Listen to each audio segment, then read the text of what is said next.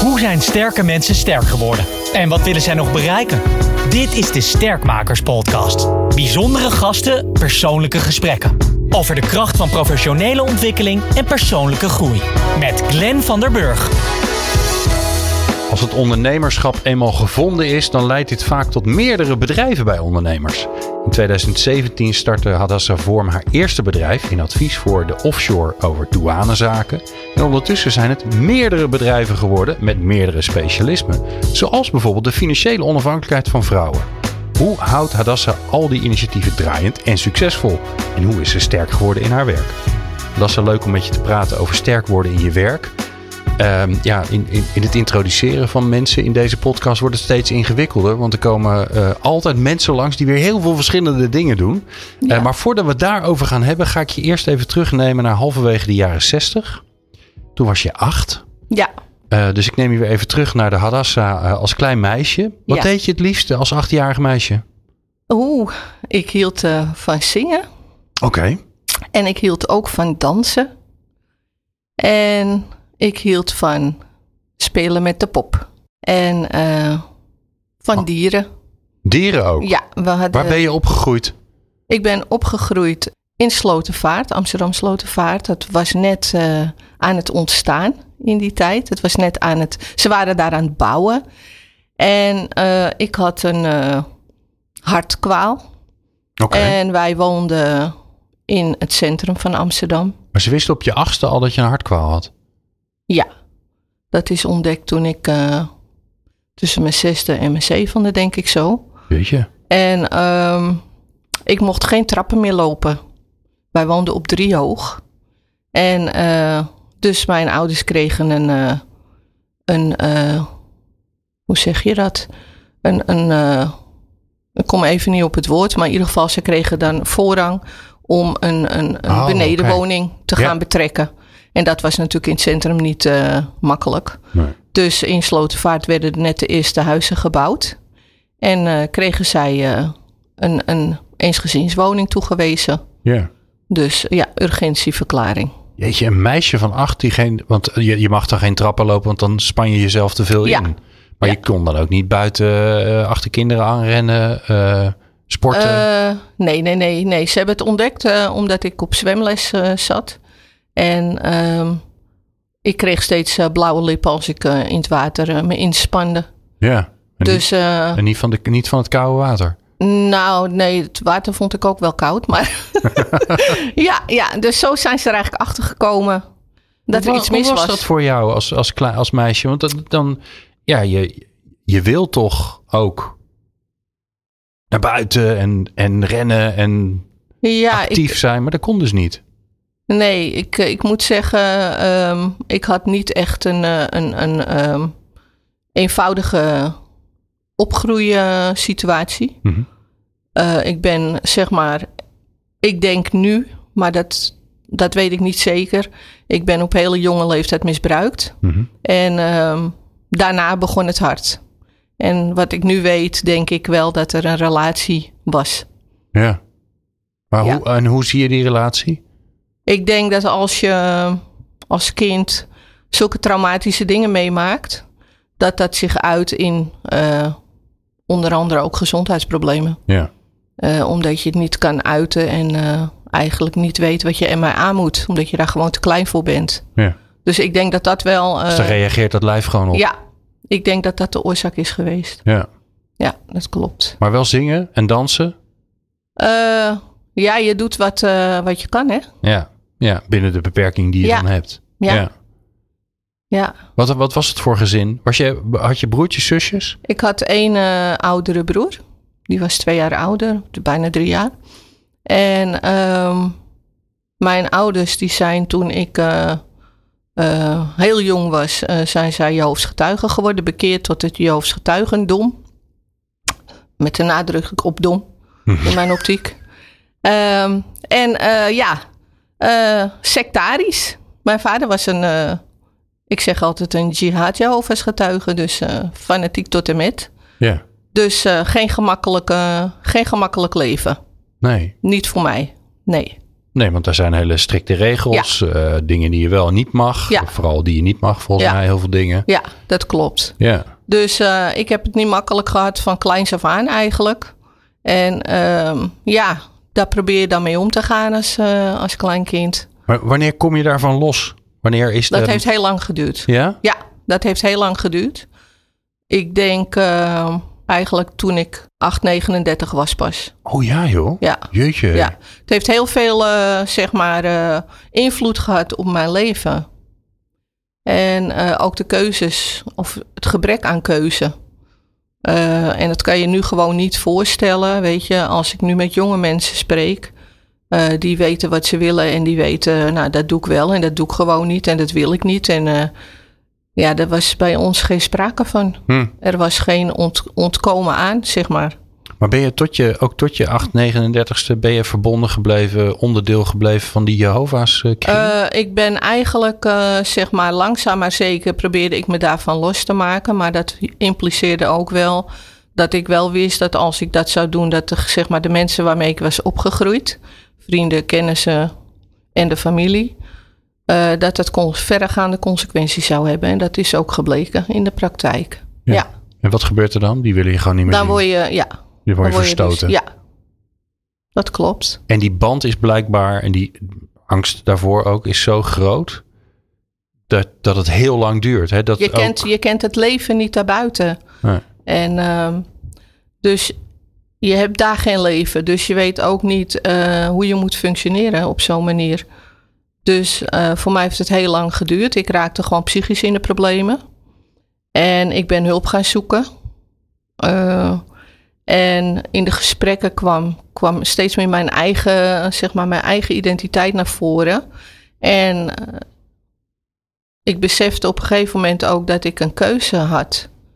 Maar ik besefte ook wel dat die keuze wel heel eh, verregaande gevolgen zou hebben. En dat, is, Ja. dat was ook zo. En, en tot die tijd heb je dus blijkbaar het idee dat je daar, dat dit het le- is, leven is? Of, of, of besef je je wel dat het niet oké is of dat je je niet prettig bij voelt, maar dat ja, je dat besefte ik al heel vroeg. Oké, Al heel jong. ja, ja. Dat ik dacht van, eh, ik, ik stelde ook altijd kritische vragen.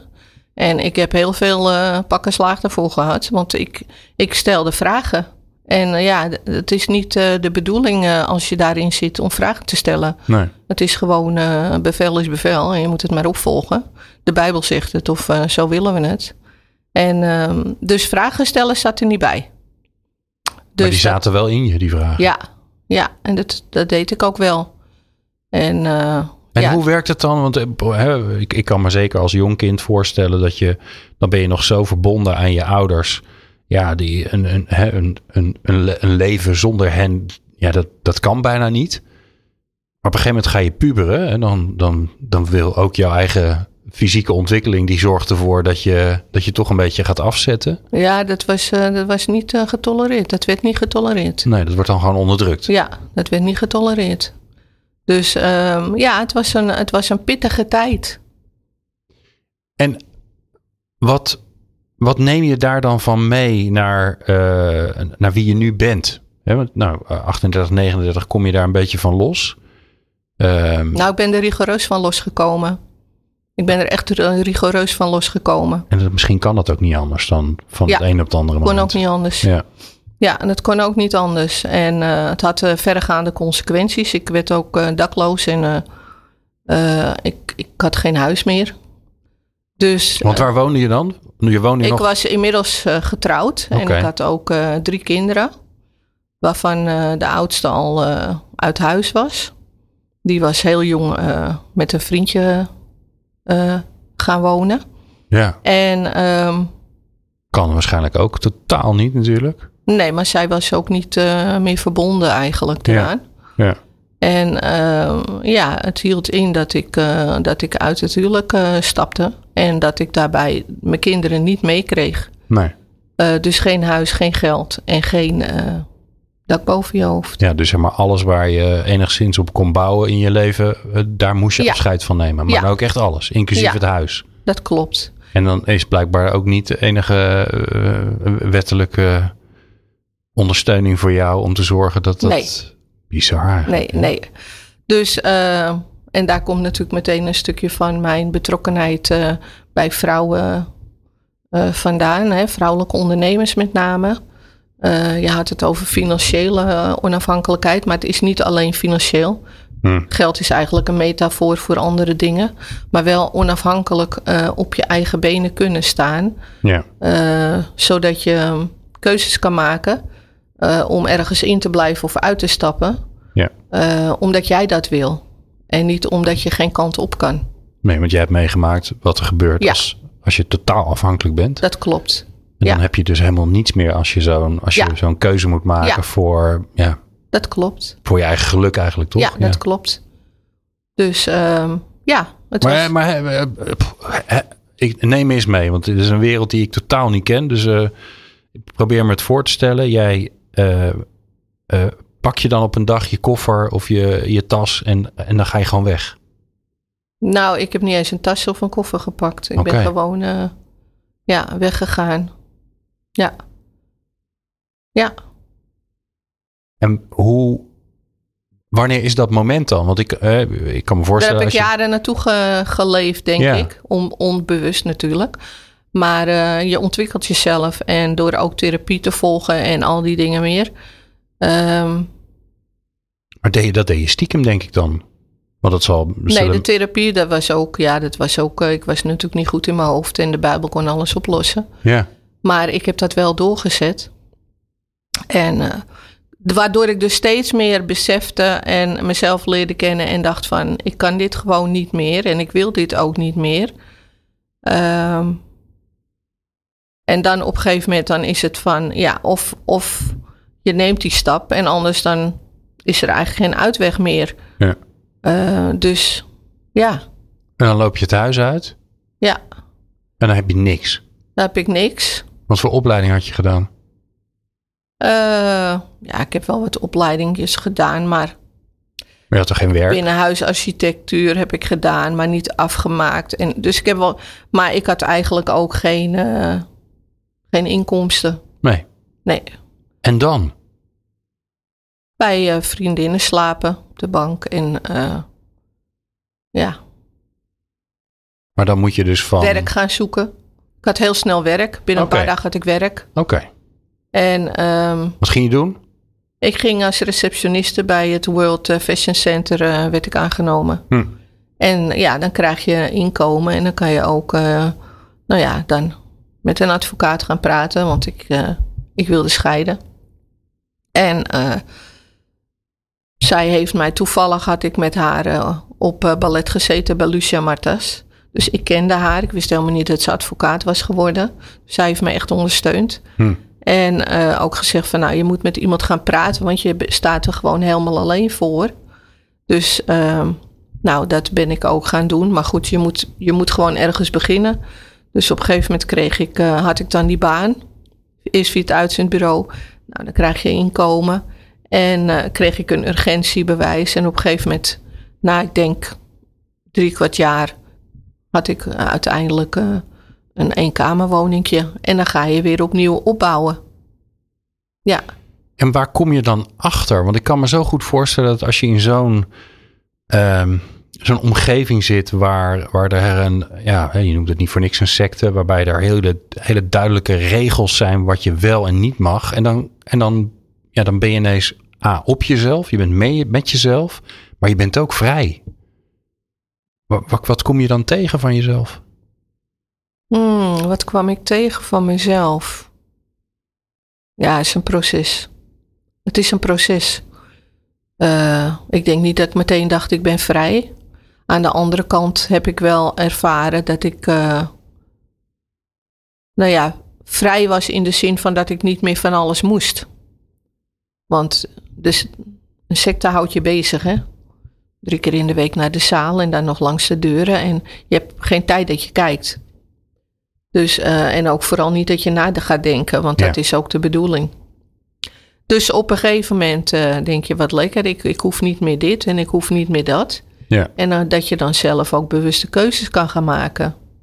Ja, dus dat was een hele bevrijding, zeg maar. Aan de andere kant heb je natuurlijk het verdriet dat je kinderen niet ziet.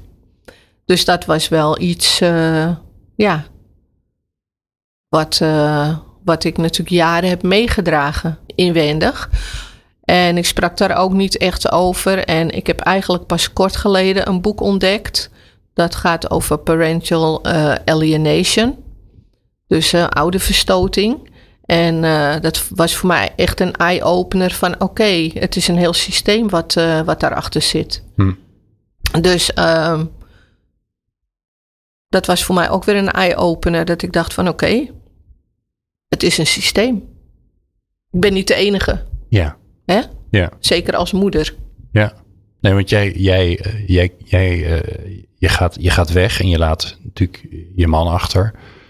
Um, maar je laat vooral je kinderen achter. Dat lijkt me zo ingewikkeld. Nou ja, ik liet ze niet achter. Ik mocht ze niet meenemen. Dat is wat anders. Oh ja. Ja. Mocht ze niet meenemen. Ja. Zei van jij kan gaan, maar die kinderen krijg je niet mee. Dus, en dan stel je dat steeds maar uit, omdat je denkt van ja. Dat kan ik niet. Maar op een gegeven moment dacht ik, ja, ik kan dit niet meer volhouden. Nee. Dus het is of doorgaan hiermee, en dan loopt het gewoon voor mij niet goed af. Ja. Um, een, een, een verhaal, een, een historie uh, um, uh, van, van jou. Mm -hmm. um, en als je dan nu kijkt, hè, en zo begon ik natuurlijk al een beetje. Als je dan nu kijkt wat je allemaal doet, dan zit daar zo'n verschil in. Hè? Iemand die klein gehouden is, die Mhm. mm -hmm. bezig gehouden is, zoals je het zelf zegt. En als je nu ziet met al je activiteiten, uh, je eigen bedrijven, hè, meerdere, Mhm. één één hier en één in Suriname. Uh, je expertise die je hebt opgebouwd in een heel bijzonder. Hè, dat is altijd mooi natuurlijk bij ondernemers. Die vinden, die vinden een klein dingetje waarvan Ja. ze zeggen: hé, hey, wacht eens Mhm. even, hier Ja. zit nog niemand. Ja, Hè, nou, dat doe jij met uh, het helpen van offshore bedrijven bij alle douane-issues die ze hebben. Wat zit er dan in jou dat, dat, dat die transformatie zo gelukt is? Hmm, ik denk dat het uh, inhalen is. Ik heb natuurlijk jaren verloren. Ja, zo zie je dat ook. Hè? Hè? Ja. Nou, ik, ik, niet meer dat ik, want ik denk nu van, uh, het moest zo zijn. Het is organisch gegaan, denk ik. Hm. Ik was er ook niet aan toe. Het moment dat je zeg maar die stap neemt om ergens uit te stappen, dan ben je er klaar voor.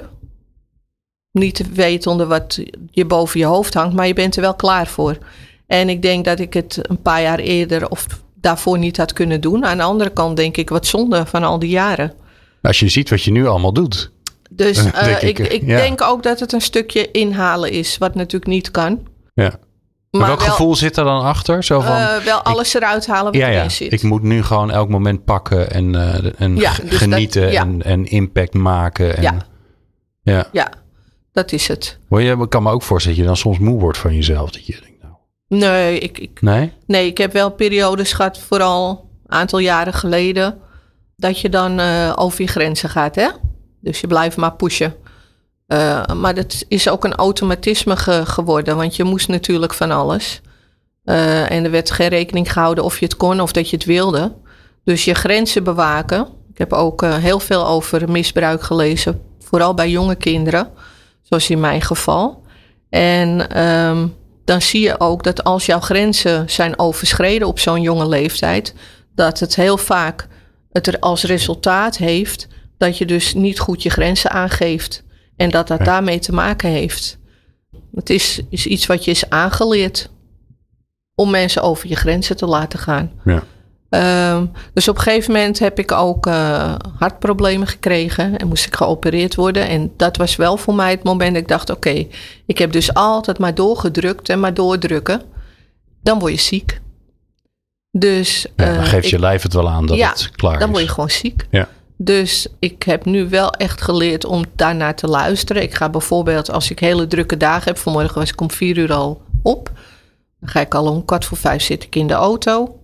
Dan uh, ga ik wel de avond ervoor en vanavond en de avond daarna wat op tijd naar bed. Weet je, dus dat je wel overdag je energie hebt. Ja. Maar dan ga ik niet allerlei wilde dingen nog doen s'avonds. Uh, dus daar hou ik gewoon rekening mee. Ja. En dat gaat prima. Jij, um, uh, op een gegeven moment werkte je bij een, uh, bij een groot offshore bedrijf. Uh, jij, jij, jij, was daar in dienst als... scheepvaartbedrijf, ja. Scheepvaart, ja. Ja, ja, ja. ja. Ik ben niet heel goed ingevoerd in deze sector. Um, daar had je een baan, mooie baan. en, um, maar eigenlijk datgene... Jij zag daar kansen die niet benut werden. Daar begon je toch jouw onderneming?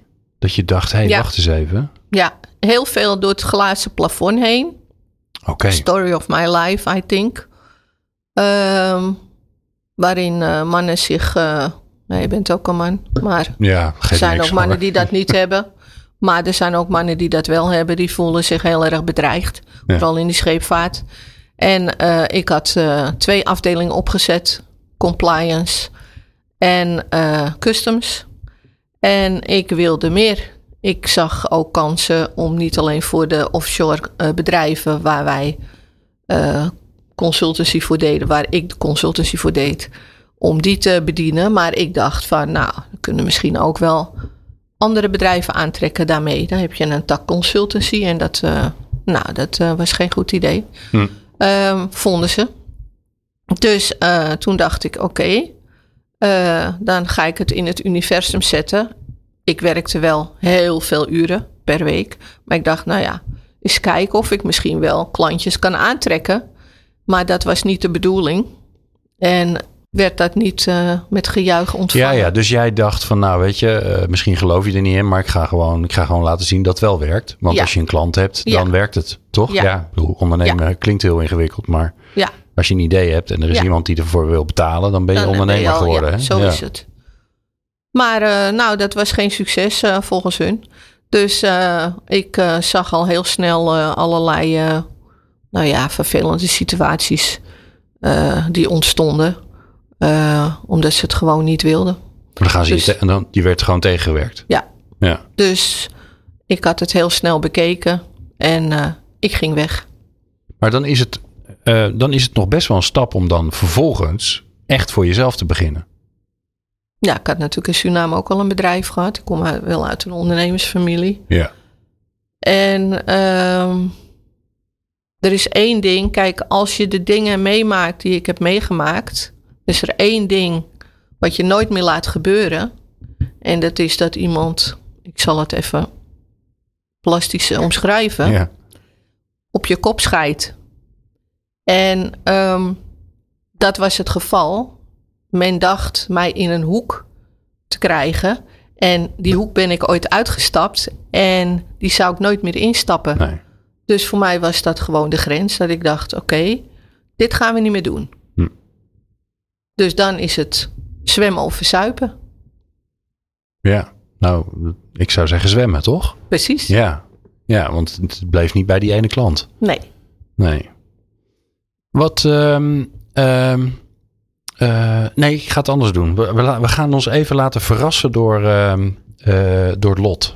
Oh, dat is mooi. Ja, hè? ja, ja, ik hou Ja. ervan. Ja. Ehm, eh, dat doen we door eh, een, een kaartspel. Het zijn eh, allemaal mooie, mooie ge- vormgegeven kaarten van het kaartspel Spelen met Talenten. Uitgegeven bij Thema. Link zorgen wij dat die in de show notes terechtkomen. Ik heb drie soorten kaarten. Doelen, feedbackkaarten, die zijn blauw. En dan heb ik nog groene en dat zijn talentenkaarten. Ehm, waar heb je zin in? Welk kleurtje?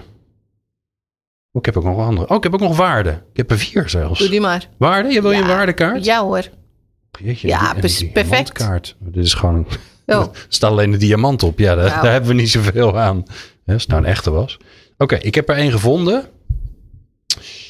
Dit gaat hem worden. Mag je hem voor jezelf voorlezen? En dan mag je ook het antwoord geven. Ik heb zo makkelijk werken. Beschrijf de inrichting van je woonkamer. Wat zegt jouw inrichting over de dingen die jij belangrijk vindt? Oh. Zo, Wat leuk. interessant. Ja, wat leuk. Nou, veel kaarsen. Oké. Ja. ehm, veel diversiteit en inclusie. En waar zie ik dat aan? Dat zie je aan de kleuren. Dat zie je ook aan eh, een rozenkrans en een boeddha. Ah, En een eh, achtarmige Joodse kandelaar. En ehm, een soort tafeltje met eh, culturele eh, zaken vanuit Suriname. Dus dat is heel divers en ik, eh, ik vind het allemaal mooi. oké. Veel kleur, diversiteit, kaarsen, gezellig, ja, denk ik dan. ja, Ja. open haard. Romantisch misschien wel. Ja, ook romantisch. Open haard. Open haard, ja, ook gezellig. En Vuur ook. ja, Nou, dat is het wel. Ja? Ook wel, ja. Kroonluchter. Wat hangt er aan de muren? Oh, ook divers. Oké. Ook divers. De nachtwacht. Oh. Ja? Ja, Die is best groot, hè? deze is ook groot. Ja? Maar eh, er zit ook een verhaal aan de toenmalige verloofde van mijn moeder. Dus niet mijn vader. Ja. Die eh, had het geschilderd voor mijn oma. En dat was Frans Zwartjes. En later werd hij een hele bekende cineast. Maar Hmm. begin van zijn carrière. Maar die heeft een nachtwacht nageschilderd Ja. voor je... Voor mijn oma en Voor je opa. oma. Ja. En die hangt eh, bij mij. Wat leuk. Maar ik heb ook bijvoorbeeld eh, een eh, schilderij van de, de Godfather. Oké. Ehm, Van Marlon Brando. ja, Ja. ja. En eh, dat doet mij eh, denken aan eh, Suriname. Oh ja? Ja. Want? Nou, daar zijn. eh, daar, is, daar is heel veel mooie dingen en ook dingen die niet zo mooi zijn. Want als je kijkt naar de Godfather, was hij een familieman. En was hij een gezellig eten, gezelligheid. Ja. Maar het had ook een hele andere kant. Ja, en dat is ook voor mij ook Suriname. Oké. Ja. Ja. Ja. Dus ehm, ik heb ook een schilderij hangen van een Frans straatje in Cannes met een uh, deux chevaux. Ik ben gek op Frankrijk. Ik ben gek op Suriname en ik ben gek op Frankrijk. Hm. Ik hou van Zuid-Frankrijk.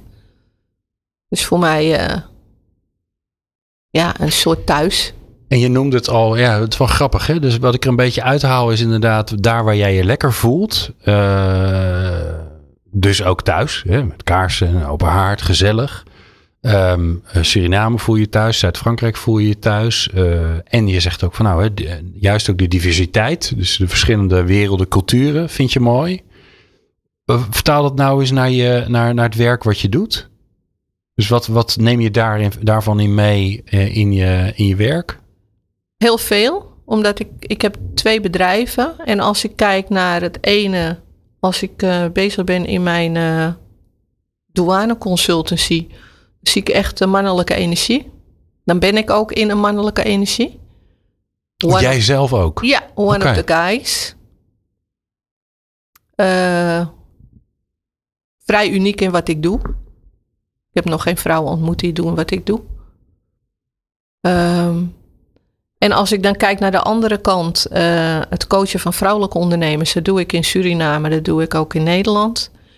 Eh, dat doe ik ook ehm, online in India. Ehm, dan zie ik de culturen in mij, die ook divers zijn. En ehm, dan zie ik Hadassah vanaf kleins af aan. Eh, zoveel strubbelingen en zoveel dingen meegemaakt, verdriet gehad, ehm, met geweld te maken gehad, ook in, in het huwelijk dat ik eh, die vrouwen die nu daarmee struggelen, op wat voor manier dan ook, of littekens hebben en nog niet geheeld zijn, wil helpen Mhm. om ervan te helen. Omdat ik weet uit ervaring dat ik nu kan zeggen dat ik eh, geheeld ben. En ik denk dat ik eh, daar een bijdrage, dat is mijn missie eigenlijk, om die vrouwen te helpen en te zeggen van er is hoop. En hoe, hoe, hoe verbind je die, ehm, die twee werelden, die, eh, die je volgens mij allebei leuk en interessant vindt, maar waarbij de ene is nou, veel zakelijker volgens mij, hè? die hele douanewereld, daar heb je iets gevonden waar je heel veel verstand van hebt en waar je, nou, gat in de markt klinkt altijd zo spannend, maar jouw, jouw niche in de markt waar je uniek in bent, Ehm, dat andere voelt veel meer als een soort van roeping. Ehm, ehm, waarbij je, ja, waar, waar, je, waar je voor mijn gevoel ook anders over praat. Hoe, hoe- Ja. hoe verdeel je nou je energie over die twee? Want ik kan me ook zo goed voorstellen dat, ja, dat een van de twee de overhand krijgt, omdat of de commerciële belangen groter zijn, of juist jouw, jouw passie daar groter is. Hmm. Ik denk dat het zich steeds meer gaat versmelten nu. Ik merk, ik heb nu een, een, een nieuwe opdracht op Schiphol. En ik merk dat ik heel... Voor welk bedrijf? Want dat krijg je dan, hè?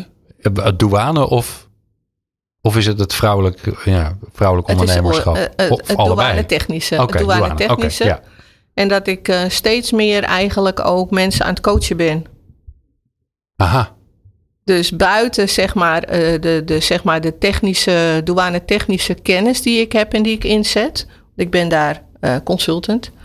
Ehm, ook mensen met elkaar aan het verbinden ben. Wat ik voorheen niet had, was het echt puur sec. Eh, gewoon mijn kennis, mijn douanekennis, wetgeving, bla bla bla. Dat zet ik in. Hm. En nu merk ik, hé, hey, oké, ik ben nu steeds aan het verbinden. Wat ik gewoon eigenlijk een hele mooie aanvulling vind. ja. Eh, want uiteindelijk gaat het alleen maar om mensen. Ja, en ik kan me zo goed voorstellen, hè, Dasse, dat onze luisteraars die luisteren, die mis- ja, misschien, bedoel, die- velen van hen hebben een baan eh, waar ze ongelooflijk veel plezier hebben, maar waar ze ook heel veel tijd in stoppen. En, en ik kan me zo goed voorstellen dat, dat onze luisteraars denken, ja, maar hoe dan? Want als ik mij zou bedenken dat ik twee van dat soort banen zou hebben, dat zou ik nooit kunnen combineren. Hoe, hoe krijg jij dat dan toch wel voor elkaar? Eh, om gewoon eh, in charge van jezelf te blijven en bij, dicht bij jezelf te blijven. Dus ehm, ook als iemand eh, bij mij een programma wil eh, volgen, coachprogramma, ik, ik coach één op één, dan eh, ga ik altijd met die persoon eerst in gesprek. Om te voelen of die persoon er klaar voor is. Hm. En heel vaak zeggen vrouwen wel, ik ben er klaar voor. Maar het moment dat ze echt de reis aan moeten gaan, dan zie je soms de aarzeling. En dat is voor mij een signaal om niet eh, mijn programma te verkopen. Dus het is altijd eh, een afweging van wat voel ik, wat wil ik en hoe kan ik die persoon helpen. Want als iemand er nog niet helemaal klaar voor is, dan wordt het een heel moeilijk traject. En het traject gaat ook heel kort zijn, want die persoon gaat afhaken. Ja. Ja. Dus eh, ik vind het heel belangrijk om, om dat goed te Ja. voelen, in te voelen. En nou heb jij, ehm, eh, je agenda zit eh, bijna vol. En dan komt op dezelfde dag komt er een, eh, een bedrijf en die zegt, goh, ik heb je hulp nodig, want het gaat helemaal niet goed. We hebben echt jouw jouw kennis over, over de customs, de, de, Mhm. de douane nodig. En op hetzelfde moment komt er ook een, een, een vrouw naar je toe en die zegt, ik heb je hulp nodig. En die, en die, nou, die, die heeft jouw ervaring als coach nodig. Maar je moet kiezen uit die twee. Wat doe je dan? Ik zorg gewoon dat mijn eh, agenda gewoon eh, aangepast wordt. je kunt gewoon meer dingen doen dan één. Ja. Je hoeft helemaal niet te kiezen, want je, je plant het zo in dat je beide kan helpen. Ja. ja. Anders zorg je er wel voor dat iets wat je minder leuk vindt, dat je dat uit, uitbesteedt aan iemand. Hmm, ik doe eigenlijk geen dingen die ik eh, minder leuk vind. Daar heb ik ook weer mensen voor. Ja, ja. Als je nou, ehm dat is altijd een beetje een lastige vraag, maar waar ben jij nou, eh, wanneer voel jij je nou op je sterkst in je werk? Wat ben je dan aan het doen? Oplossen. Oké, Ik ben een oplosser. puzzelen. Waar zit het? En, en hoe ziet dat eruit? Hoe los je op? Net zo lang zoeken tot ik de oplossing gevonden heb. En eh, mijn oplossend vermogen is groot. En is dat zowel, is dat in allebei je, je zeg maar, takken van sport waar je in zit, allebei de bedrijven, bedrijfssoorten waar je in zit, is dat, geld, heb je dat bij allebei nodig? Ja. Ik zeg niet, hè, wat veel coaches zeggen, ik heb de oplossing. De oplossing heeft namelijk de coachie zelf al. Ja. Je assisteert, je, je ondersteunt en je bevraagt en je, on, ja, je onderzoekt op allerlei manieren eh, waar het probleem zit. Uiteindelijk het hele moet de persoon zelf doen. Dat kan jij niet voor die persoon doen. Dat is onmogelijk. Hm. Coaches zeggen "Ah, met mijn programma dan ben je geheeld. Dat is onzin. Kan helemaal niet. Ehm, maar de oplossing in de zin van dat ik met iemand praat. Ik had het eh, vorige week nog. Iemand die in Suriname een hele goede praktijk heeft. Ik ga niet in detail, want Nee, de markt is klein. Ja. Eh, en een baan had aangeboden gekregen en heel erg zat van, ja, dan ga ik met haar op onderzoek uit om te kijken, waar word je blij van? Waar gaat je hart van zingen? Wat eh, weet je? En dan heb je zelf het antwoord al. En als ik dan hoor dat iemand zegt van, oh je hebt me zo geholpen en je hoort gewoon de opluchting, je ziet ook de opluchting in haar gezicht, want die eh, sessies in Suriname gaan natuurlijk online. Ehm, of iemand die bij mij op de praktijk eh, komt en we doen een familieopstelling. En je ziet eh, ja, iemand de tranen komen van het kwartje valt. is ook een oplossing. Want het wordt voor die, eh, voor die dame wordt het helder op dat moment. Dat, dat vind ik fantastisch om te doen. Ja, en eigenlijk hoor ik je zeggen, ehm, ik ben aan het oplossen omdat ik aan het zoeken ben. Dat ik aan het vragen ben, dat ik nieuwsgierig ben, omdat ik, ik weet dat die ergens zit, die oplossing.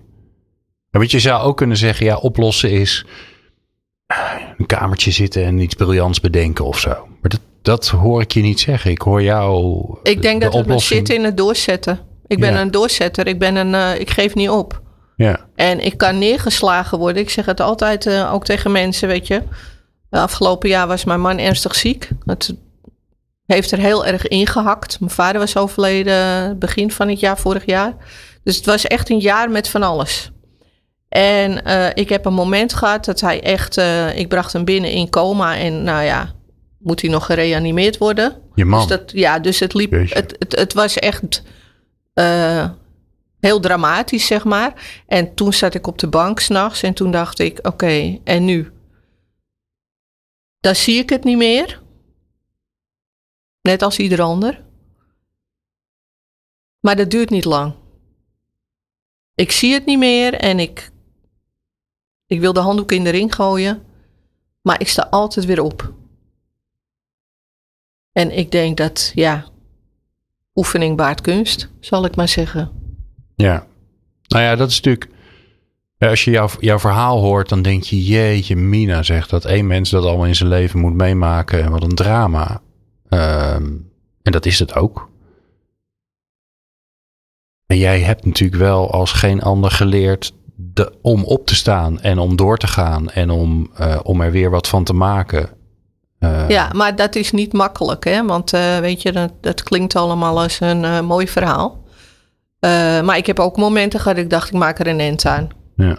En ik heb ook momenten gehad dat ik dacht, ik zat in Amsterdam s'nachts op een bankje. Ik denk, nou, als ze me nou vermoorden, I don't care. Dus die moment heb ik echt wel gehad. Dus het is geen allemaal halleluja verhaal. Ik zeg wel van, ik... Soms zeggen mensen, ja, ik ben blij dat ik iets heb meegemaakt. Want, nou, Hmm. ik ben helemaal niet blij dat ik het allemaal heb meegemaakt. Ehm, ik had het liever niet meegemaakt. Maar ehm, ik denk wel dat ik daardoor in staat ben om vrouwen te helpen die door hetzelfde heen gaan of er doorheen zijn gegaan. Ehm, en nogmaals, we hebben natuurlijk eh, fantastische hulpverleners eh, hè, in Nederland. Maar als jij nooit dakloos bent geweest, dan heb je geen idee. En als je nooit misbruikt bent, heb je geen idee. Dus dan kan je alle kennis verzamelen die je wil. Maar het voelen, wat dat betekent voor je gevoel en wat het met je doet, dat heb je niet, want Ja. het kan ook niet. En gelukkig maar. Eh, en ik denk dat dat voor mij juist de plus is, waardoor ik eh, die vrouwen, en dan met name vrouwelijke ondernemers, omdat vaak als vrouwen gaan ondernemen, komen al deze issues naar boven. Hm. Kan ik het wel? Ja, maar zij is veel beter dan ik. En dan komen de dingen naar boven. Waar komt dat nou vandaan? Maar dat is, ik ga je meenemen naar de toekomst. Ehm, dat kunnen wij samen. Eh, ik neem je mee naar je tachtigste verjaardag. Ja. Ja. Ik word 97 trouwens, hè? ja, daarom. Dus dan heb je nog een hoop eh, een tijd te leven. Maar Ja. Je, ja, je bent 80 en dan ga je toch ook een klein beetje terugkijken. Ja. Ehm, iedereen die, je die je dierbaar is, die is er. En, ehm, en er, wordt over, er wordt gespeecht over jou en over wat je betekend hebt in het leven van, eh, van al jouw dierbaren. Wat hoop je dat ze zeggen over je? Het was een geval apart. Ja? Ja hoor. En waarom hoop je ook dat ze dat, ze dat zeggen? Nou, dat gaan ze zeggen. Ja, ja. dat hoop ik niet. Dat is gewoon zo. Ik wel zeker. Ja. Ja. Ja. en dat is prima. Verre van doorsnee. Ja, verre van doorsnee, zeker. Ja. Ja. Ehm, je mag het. Oh god, dit is een, echt een hele. Nou ja, we gaan gewoon kijken wat er gebeurt. Dit vraag ik aan iedereen hoor, dus ook aan jou. Ehm, je mag advies geven aan je 20-jarige zelf. Ja. Nou, dat is bij jou nogal pittig, kan ik me voorstellen. Maar ja, je, hebt- je hebt natuurlijk ongelooflijk veel levenswijsheid opgedaan. Ehm, wat zou je je, je 20-jarige zelf adviseren? Ga in therapie. Oké. Want dat heeft heel veel voor je betekend. Ja, het heeft alles voor mij betekend. Ja. Ja, het heeft alles voor mij betekend. Ik ben, ik heb een psychose gehad. En men zegt, het was een postnatale depressie, want ik had de tweeling gekregen. Ik zeg achteraf, het was eh, gewoon van alles wat ik al had meegemaakt en ellende. En meer. Ehm, en ik kwam bij een psychiater te- terecht en dan krijg je medicatie. Gelukkig niet lang. Ik heb dat denk ik een half jaar, drie kwart jaar moeten gebruiken. En dan ga je het afbouwen. En die zei, je moet eh, gaan praten met een psycholoog. Dat heb ik eerst gedaan. Tijd. En toen kreeg ik twee psychotherapeuten en ging ik in, die wilden mij in groepstherapie hebben. Wat ik eerst helemaal niet wilde. Ik was allergisch voor groepen, gezien mijn Hm. groepservaringen, zou ik maar zeggen. En eh, in de, juist in de groep heeft het mij geleerd dat we allemaal andere verhalen hadden, maar toch eigenlijk allemaal één gemene deler. En dat was, eh, ja, we willen helen. Dus het heeft mij heel veel gebracht en me laten zien dat ik dus kracht had. Dat ik er mocht zijn, laat ik het zo zeggen. Ik mocht er zijn. En dat, eh, dat, dat, dat is onschatbaar. Van onschatbare waarde is dat als je denkt van ik mag er zijn. En ik ben goed. En ik ben oké. En als ik dat op mijn twintigste al had gehad. Nou, dat had een hoop ellende gescheeld. Maar ja, het was niet zo. Het moest zo zijn. Ja. Laatste vraag, Adassa. Ehm, als mensen eh, sterk of sterker in hun werk willen worden, welke vraag zouden ze zichzelf dan moeten stellen? Zo nu en dan. Sterk in hun werk. Ja. Doe ik hetgeen waar ik blij van word? Wat als het antwoord nee is? Als Wegwezen. mensen eerlijk zijn, ja? Wegwezen. Iets anders gaan doen. Net zo lang proberen tot je iets vindt. Ieder, ieder van ons heeft een missie. En als jij je missie leeft, dan beteken je iets voor anderen. En als bijproduct ga je succesvol zijn. Wat een prachtig einde. Eh, ik dank jou zeer. Ik vond het een bijzonder mooi, eh, ehm, mooi gesprek. Uh, dankjewel dat je Ik eerlijk, ook, dank eerlijk je wel. bent geweest. Ja, dat dankjewel. kan ook helemaal niet meevallen. Dus dankjewel daarvoor. Hadassa Vorm.